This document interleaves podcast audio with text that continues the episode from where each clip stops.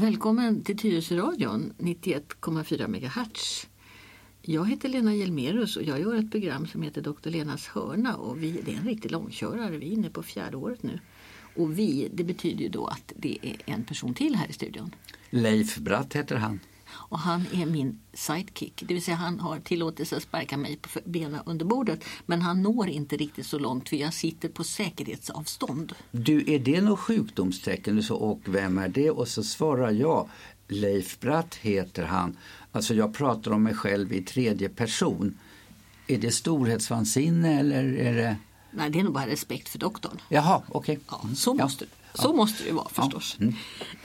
I den här långköraren så har vi nu hamnat eh, i eh, hormon Träsket. Hormonträsket, ja. ja. Och det här är ett väldigt stort ämne. Vi har ju liksom arbetat oss igenom människokroppen och de här lite knepigare sakerna har jag ju naturligtvis sparat och lagt på framtiden. Men nu är vi i hormonträsket. Och hormoner, det sa vi lite inledningsvis förra numret av hörnan att det är ett slags signalsystem. Eh, ett styrsystem där hjärnan liksom kan ge kommandon till, till kroppen. Får jag fråga dig bara så här. Eh, jag har ju förstått från dig som har sakkunskapen att det var allt ifrån vad heter Hippokrates eller någonting så här, ja. gamla som man brukar säga läkekonstens fader och så. Ja. Och Hippokrates. Hip, ja, det var, du ser mm. mm. vad jag kan. Mm. Eller inte kan. Nej, det jag är ute efter är inte hormoner ganska sena citationstecken uppfinningar? Eh. Jo, det har du alldeles rätt i.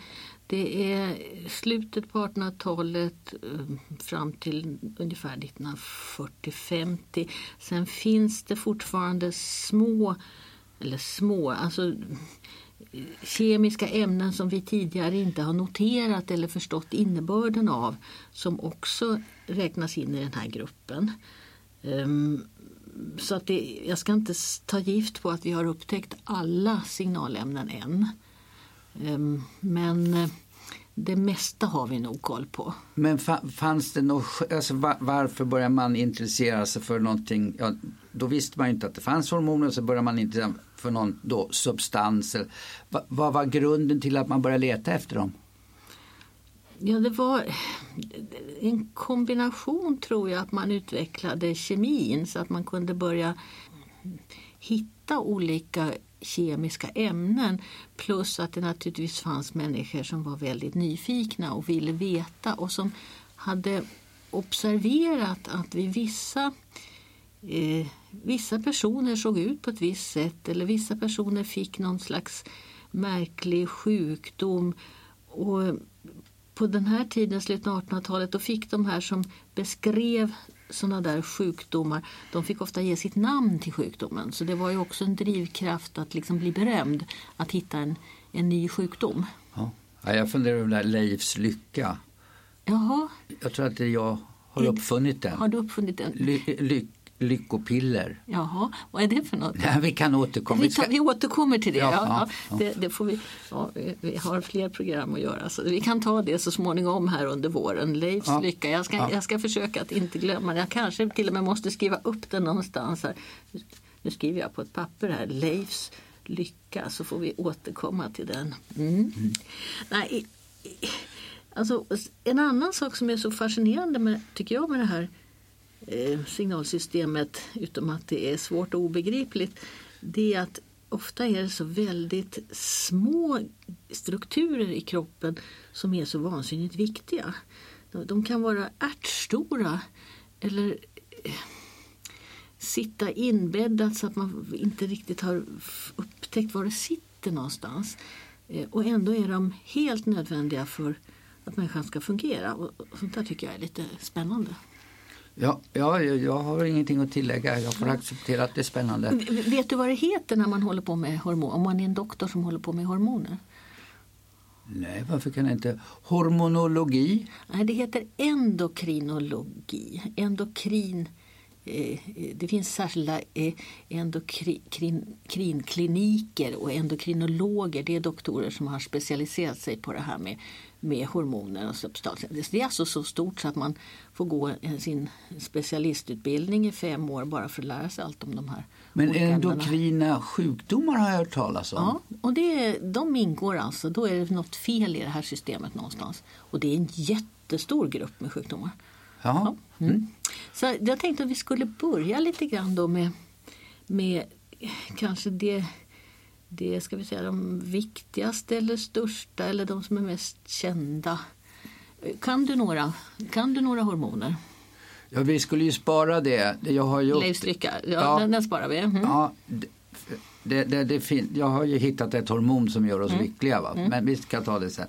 Nej men alltså jag har i bekantskapskretsen en som har ja, så säger man, skrumpnad eh, sköldkörtel, alltså den mm. mer eller mindre har försvunnit. Mm. Så, så eh, eh, hon har, eh, vad säger man, underfunktion av sköldkörtelhormon. Mm. Men vad den heter har jag ingen aning om. Mm. Det där tänkte jag, det, det där med sköld, sköldkörteln, det går nästan inte att säga. Det ska vi göra ett eget program om för det är ett, det är ett jättekapitel. Men jag tänkte vi skulle börja med... Ah, nu kommer jag på. Vi pratar om könshormoner vet jag. Testosteron och östrogen, det känner jag till. Ja, det, det känner nästan alla till. Ja, det hör ju till våren också. Och Men då kan jag trösta då, alltså jag kan lite om hormoner kommer jag på. Jag har, jag har ju sysslat med att sälja grejer till frisörer ja. och då såna hårvårdsmedel av olika slag. Och då har jag fått lära mig att på ålderns höst så blir ju män mm. alltså lite flintis. Mm. Men då kan de trösta sig med att de har en alltså, högre halt av manligt könshormon. Alltså det är män som blir flintisar. Mm. Eh, de som får behålla håret är mindre manliga. Mm, och jag kan kontra det med att alla kvinnor har också testosteron fast det är på ett annat sätt. Och de, det kallas för androgener, de här manliga eh, varianten. Men det är också ett eget program. Nej, men jag måste få börja med mössorna. Mössorna förstår du, de är jättefina. Mössorna. Ja, det var polit, hattar och mössor var politiska partier på 17, eh, partigrupperingar eh, på 1700-talet väl? Ja, men mössorna, det är, de kallas för binjurar. Alltså, bi betyder ju egentligen i det här sammanhanget att de sitter bredvid. Och mössorna sitter det, det, är alltså två strukturer, en på höger sida och en på vänster sida, som sitter ovanpå njurarna. Och njurarna sa vi, de är ungefär så stora som en, en hand. Eh, lite mindre kanske, en knuten hand. Och, och de här mössorna, de ligger liksom... Den som sitter på höger sida, den är trekantig som en sån där gammaldags Napoleonmössa. Och den som sitter på vänster den är lite modernare, det är en basker. De hänger ner lite sådär över vänster njure. Men när du ser höger och vänster så ser hjärtat sitter till höger? Nej, tvärtom, till vänster. Du har hjärtat på vänster sida. Nej, har jag inte alls det. försök inte! Nej, jag, förlåt, ja, ja. men alltså jag, allt det här höger och vänster är ungefär som på sjön, som man babord och styrbord. Ja. Och babord och styr är alltid samma sidor, men höger och vänster beror ju på från vilka håll man ser. Om man ja. ser från fören mot akten eller från akten till fören. Ja. Och, så vad är höger och vänster i det här fallet? Ja, ja men alltså om framme om, om, om, du tänker dig inuti din egen kropp där du har höger hand som du hälsar med. På den sidan sitter levern och på vänster hand, den hand som du inte hälsar med, där har du då eh, mjälten. Och, mm, då, det, alltså mjälte och lever är lite olika stora, det ser lite olika ut på, hö, på höger och vänster sida. Och det gör också att den här lilla mössan på, ovanpå njurarna, den har fått lite olika form. Men de fungerar likadant på bägge sidor. Men de, de, jag tycker det är lite roligt med de här bilderna. Man kan liksom tänka sig organen som, som en bild. Mm. Så alltså när man pratar om höger och vänster och i människokroppen mm. då är det alltid hjärtat sitter till vänster mm. oavsett från om jag ser från ryggsidan eller framifrån. Mm. Är det du, så? Ja, du ska tänka dig inuti dig själv så att säga. Ja. Rör inte till det här för mig. Jag, jag har svårt med höger och vänster. Jag, jag, du har redan upptäckt det, min svaga punkt här. jo, de här mössorna de är alltså helt och hållet livsviktiga. Och de är små. De, de, kan du gissa vad de väger? Alltså du sa ju ärta förut och då, då tänker jag då ska det väl komma till att de här är ärtstora. Och en ärta kan ju inte väga många gram. Eh, jag säger 6-7 gram.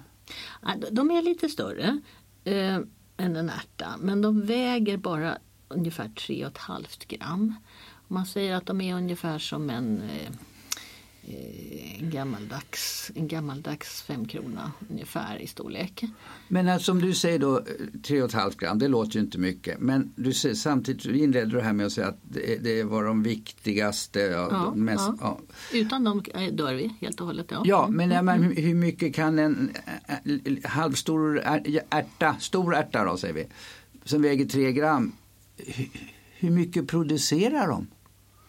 Ja, det är så mycket som det behövs. Och det är det som också är så fantastiskt med de här små organen. Ja, men det kan ju inte bli mycket gjort menar jag. Jodå. Ja. Och, det, och de har också både en som, som en avokado, både en, ska vi säga, en inre kärna fast den kallas då för märg och sen har de en yttre, ett yttre skikt som kallas för bark. Och det gör, man gör olika eh, signalämnen i barken och in i märgen.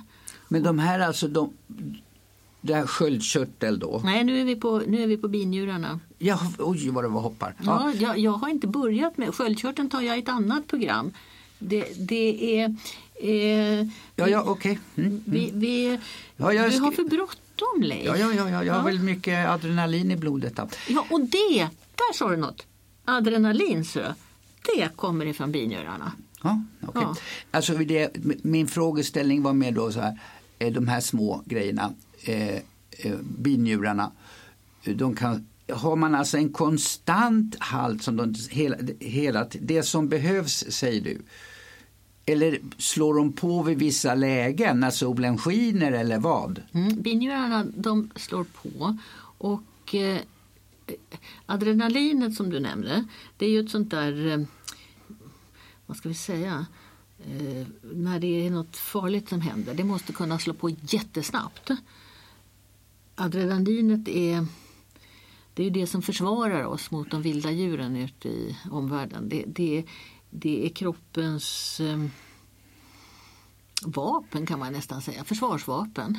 Och det, tar inte, det, tar inte, det kan gå på bråkdelar av en sekund att liksom slå på adrenalinet. Och att det slår på, att ni, binjurarna liksom startar, det kommer uppifrån hjärnan. Mm. Ifrån en annan liten körtel som också bara är ungefär så stor som en spelkula och som sitter mitt inne i skallen och som heter hypofysen. Mm. Och den är överordnad binjurarna. Binjurarna kan i vissa lägen starta utan att, att den här lilla körteln uppe i hjärnan har sagt ja. Men sen säger den ju ja efteråt. Men, men för det mesta så går det blixtsnabbt det här. Mm. Får jag bara göra en larvig jämförelse? Mm. Jag tänker så här att om man förtär alkoholhaltiga drycker så tror en del korkade män att de blir stora och starka. Mm. Ja, och bli, kan bli lite aggressiva också. Eh, men det är ju bara en chimär. Man, ja. Men vi tror, hjärnan ja nu är jag stor mm. och stark. Men med adrenalinet som du, du sa det var vapen mm. eh, kan man säga att man blir stor och stark på riktigt med hjälp av adrenalinet. Ja, ja. Och alltså, det, får man ett ordentligt adrenalinpåslag, alltså att det, en, det sätter igång där pang. Jag kan, jag kan berätta, jag körde av vägen en gång med bilen. Det var en februaridag när det var halt. Och så var det kurvigt på väg till landet och i den där kurvan så vet jag att det en gång har hänt en dödsolycka mot en stor sten. Och precis när jag närmar mig där så släpper underlaget på min bil och så snurrar jag 180 grader så att jag hamnar med bakändan mot, jag ser alltså inte var jag har den där stenen. Jag vet att den finns där. Men så var det två sådana här vikbara reflexstolpar som jag blev hängande på istället. Och då när bilen hade stannat och jag insett att jag fortfarande levde så skulle jag ta fram min telefon och ringa. Och då skakade mina händer så att jag kunde inte knappa in på min mobiltelefon. Elva försök fick jag göra innan händerna blev så stadiga så jag kunde slå ett telefonnummer. Du menar alltså att du blev skakig av adrenalin? Ja, och dessutom så... Men det skulle ju vara ett vapen, man kan ju inte stå... Ja, fast när det är en sån där händelse så kommer det som en dusch så det blir alldeles för mycket. Eller vad ska jag säga. Aha. Så det tar över det rationella. Det, blir, och det har alltså bra syften i en stor trafikolycka, säg att jag hade skadat mig, så hade jag nog inte haft ont därför att adrenalinet hade tagit bort all smärta just i det ögonblicket. Och sen så stryper adrenalinet blodtillförseln ute i kroppen. Blodet ska bara gå till hjärnan. Och det gör att man blir väldigt kall. Så att efter den där trafikolyckan så fick jag sitta, eller det var ju inte, jag körde ju bara vägen. Men jag fick sitta inlindad i varma filtar i en tre, fyra timmar innan jag blev varm igen. Ja. Därför att jag hade fått ett sånt, det är nog det mest uttalade adrenalinpåslaget jag har haft någon gång hittills i livet. Och, och det kommer jag aldrig glömma för jag trodde inte att man kunde reagera så starkt. Jag vet ju vad det var. Mm. men, men en människa som aldrig har eh, liksom vet om att, att hur det är när allt adrenalin liksom töms på en gång. Skulle, alltså, skulle man kunna vända på eh, kuttingen då och säga att om, om det är en väldigt ovanlig och lite skräckinjagande ja, händelse och man överhuvudtaget inte reagerar det, det låter på dig som att det här ska vi ha. Ja, det här ska vi ha. Ja, men om man då inte har det då kanske man ska gå och kolla vad är det här? Jag har inte tillräckligt med adrenalinpåslag. Förstår du vad jag menar? Ja, alltså... Det är ganska ovanligt att inte människor har tillräckligt med adrenalin. Det, det är nog snarare så att i stort sett alla har adrenalin. Sen kanske man har då som, som jag fick för mycket i det här läget så att jag blev skakig och kall. Men, men alla människor Annars så lever man inte. så, så grundläggande är adrenalinet. Och adrenalinet det var alltså det första som man började tillverka i fabrik. Därför att man insåg att det var så viktigt för att hålla liv i människor i samband med operationer till exempel eller vid eh, om någon fick problem med hjärtat. Så att eh, man, man, man insåg vikten av att ha det här hormonet eh, så att man började Eh, tillverkare. Men då, då, blir det ju lite så att om, om kroppen gör det som, som mm. du tidigare sa, mm. så mycket som det behövs. Mm. Men eftersom man då tillverkar så måste det vara situationer där människor inte producerar ja. det de ska. Ja, och det kan vara till exempel en allergisk, uh, kraftig allergisk reaktion. Så, så kan man behöva få en adrenalinspruta. Och innan vi hade de metoder vi har idag att starta upp ett hjärta som har stannat. Idag har vi ju i såna här hjärtstartare, det har vi ju pratat om i ett annat program. Mm. Men innan de fanns, då sprutade man ju adrenalin rakt in i hjärtat för att få det att starta igen. Vi var inne på det lite grann att det blir en sån häftig reaktion på adrenalin. Och det finns ju människor som en, har de en gång fått den här kicken så vill de ha den igen. Ah, det är som lite drog. Ja, och, och, man brukar prata om sådana här som hoppar fallskärm ut för klippväggar. Och, eh, ja, det. det. finns nog i det här med bungee jumps och det finns människor som klättrar på väggar och, och ja, utsätter sig för fara. Eh, och det är förmodligen därför att de får en sån adrenalinkick. Eh, och det finns till och med ett särskilt ord för det här. Man, man kallar dem för adrenalinjunkies. Det är ju ett amerikanskt ord men det har blivit... Eh, det, det, finns människor, ja, de här som ska upp på Mount Everest, inte bara en gång utan också två gånger och tre gånger och sen från den farligaste sidan och den sidan som aldrig någon har gått upp för. Så, där är det säkert ett, ett adrenalindriv i det.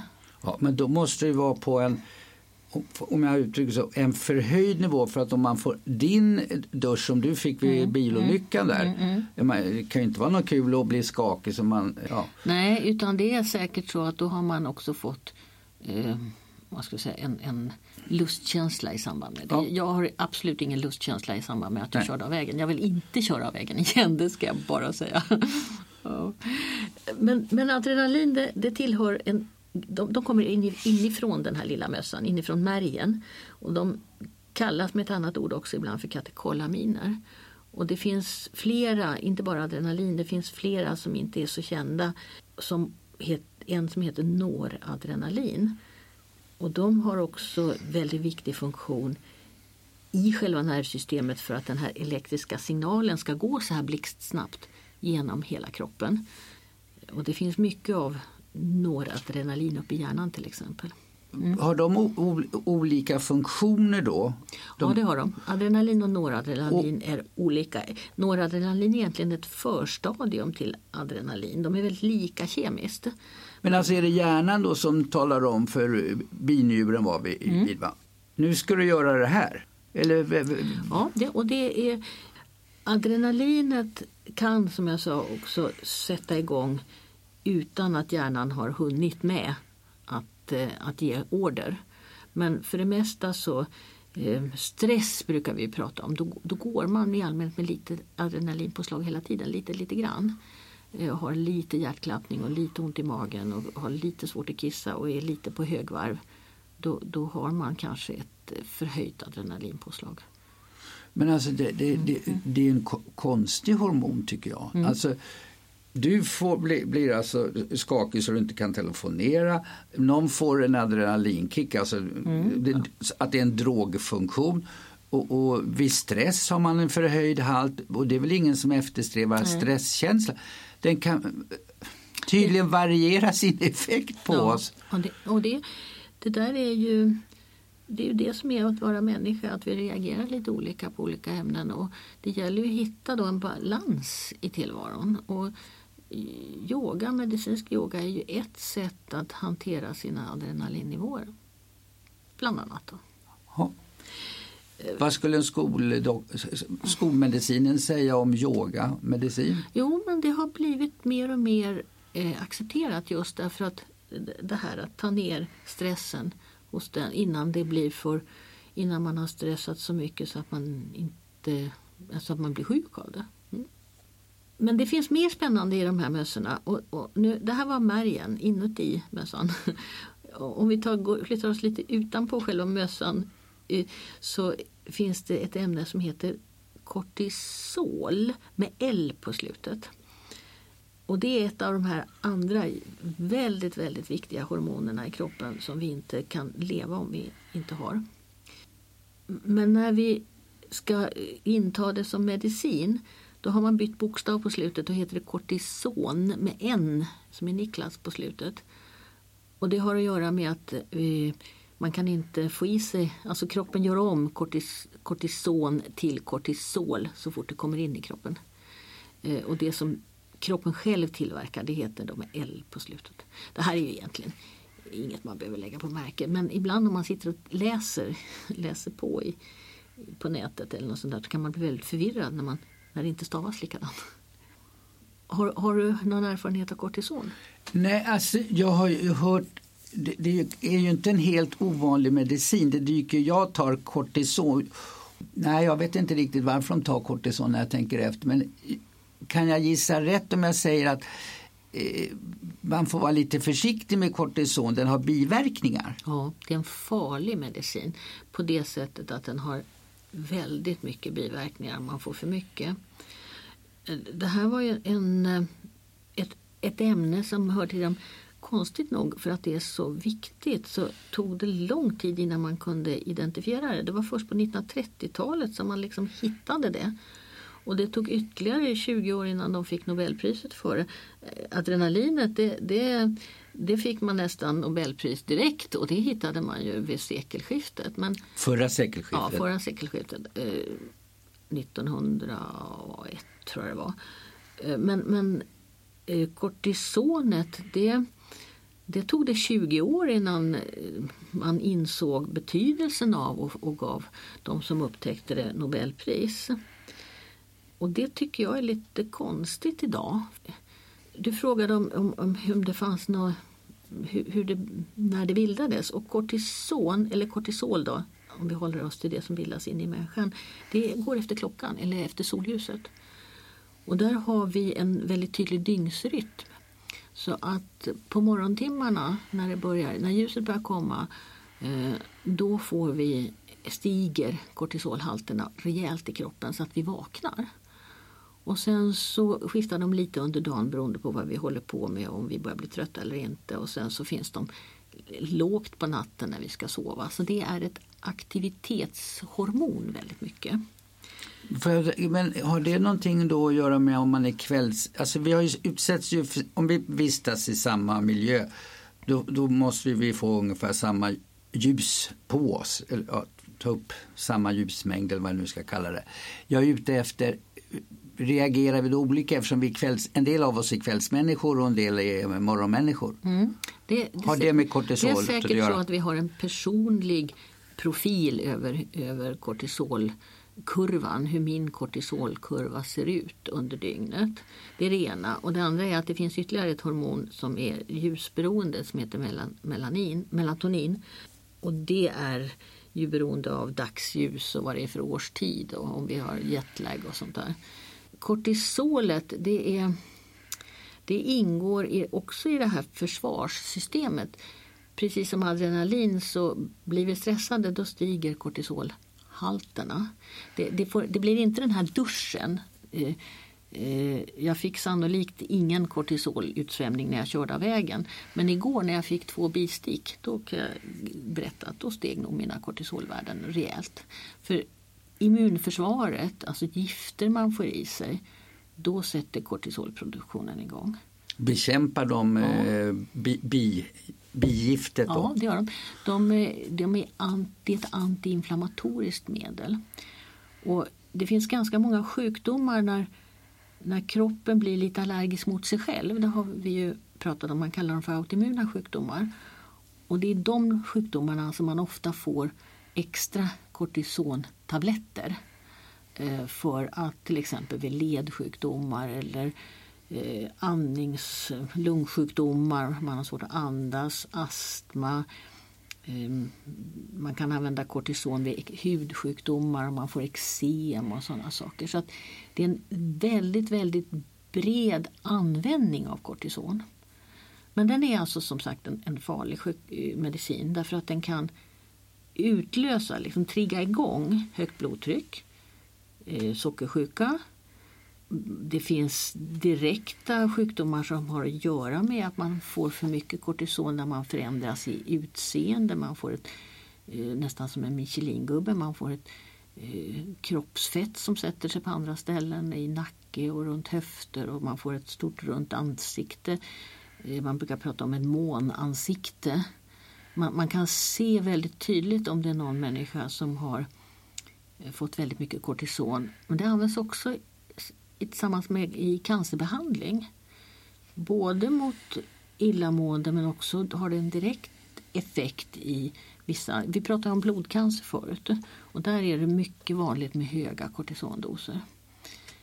Om man har någon, eh, någonting inne i hjärnan som man inte ska ha, om man har fått en blödning eller om man har fått en, en tumör inne i hjärnan så får man ibland kortison för att trycket inne i hjärnan ska sjunka. Så att det är en väldigt, väldigt viktigt ämne och framförallt det används hemskt mycket i olika läkemedel. Um, använder du någon kortison? Nej. Alltså, nej, inte vad jag känner till. Jag jag har käkat ett medel som heter Opsumit mm. för mina proppar i lungan. Ja, ja. Uh, Men det är inte kortison? Nej. Det, jag kan inte sånt. Nej, jag tror inte. Nu har de, det finns många olika namn så jag, ska inte, jag måste nästan slå upp det i så fall för jag har inte sånt i huvudet. Men salvor eh, finns det eh, olika, det finns olika mycket kortison i olika salvor. Och det här är bra att känna till. I synnerhet om man har eksembarn som ska ha mycket eh, olika mm, salvor för sina eksem. Den svagaste den heter i allmänhet hydrokortison. Eller, eh, det finns en som heter Miniderm, det finns Ficotril, ja, lite sådana här. Eh, små tuber kan vara receptfria med, med eh, hydrokortison. Sen så finns det fyra grupperingar och de, man försöker, brukar hålla sig, försöka hålla sig mellan en två eller en trea. Eh, men vad står tvåan och trean för? Ja, det är hur starka de är. Ja. Och sen finns det de superstarka, det är grupp fyra. Och det kan man fråga på apoteket när man hämtar ut sin, sin kortisonsalva vilken grupp de tillhör så att man vet lite om det är en, om det är en jättestark salva eller om det är en, en mild salva. Därför att de starka de får man bara ha tunt tunt på skinnet. Um, och kanske bara i korta perioder. Men får man inte, nu pratar du om när de är receptbelagda. Ja. Mm. säger inte läkaren till en du ska ha en tvåa? Nej, läkaren säger nog att det här är en ska du använda en gång om dagen, den här ska du använda två gånger om dagen, den här ska du använda så lite som möjligt av. Alltså, lite löst? Ja, man pratar nog inte om de här grupperna men jag tycker ändå att det är om man får medicinen förskrivet så ska man veta vad det är för sorts mediciner. Och vet man inte så kan man ta reda på det. Äter man kortison i tablettform då är det också så att man ska kanske försöka ändå tänka på att ta så lite som möjligt. Kortison är någon slags eh, eh jättebra medel och det gör att eh, jag känner en del kollegor, en doktorer som får skriva mediciner till sig själva som har blivit väldigt svårt skadade och sjuka därför att de har överdoserat kortison. Man mått, tyckte att det var väl bra med att ta lite kortison. Och det, det, kan ställa till så förskräckligt mycket elände. Så att Kortison ska man vara försiktig med. Sen ska, en annan sak är också att har man kortisontabletter och har tänkt sluta med dem, då får man inte sluta på en gång. För binjurarna måste få en chans att börja producera igen. När man tar det i tablettform då tycker ju hjärnan och binjurarna att nu behöver vi inte jobba. Men slutar man med kortisontabletterna så tar det ett tag innan binjurarna fattar att nu måste vi börja tillverka kortison igen, eller kortisol. Och därför så har man ofta något som kallas för uttrappningsschemor där man alltså minskar dosen med en halv tablett var tredje vecka eller någonting sånt. Och det där kan vara lite svårt att hålla reda på så då ska man ha ett schema från sin doktor där det står precis att den dagen så ska jag ta tre tabletter istället för fyra och den dagen ska jag ta två och en halv tablett istället för fyra och den dagen ska jag ta två tabletter istället för det som var från början. Så att man verkligen får ett schema för det här hur det ska trappas ner.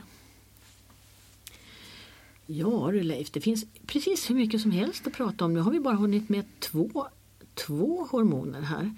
Adrenalin och kortison. Vi får göra ytterligare program om det här. Det här är ett stort kapitel. Ja. Ja, känner du dig övertygad nu om att vad kortison och adrenalin gör i kroppen?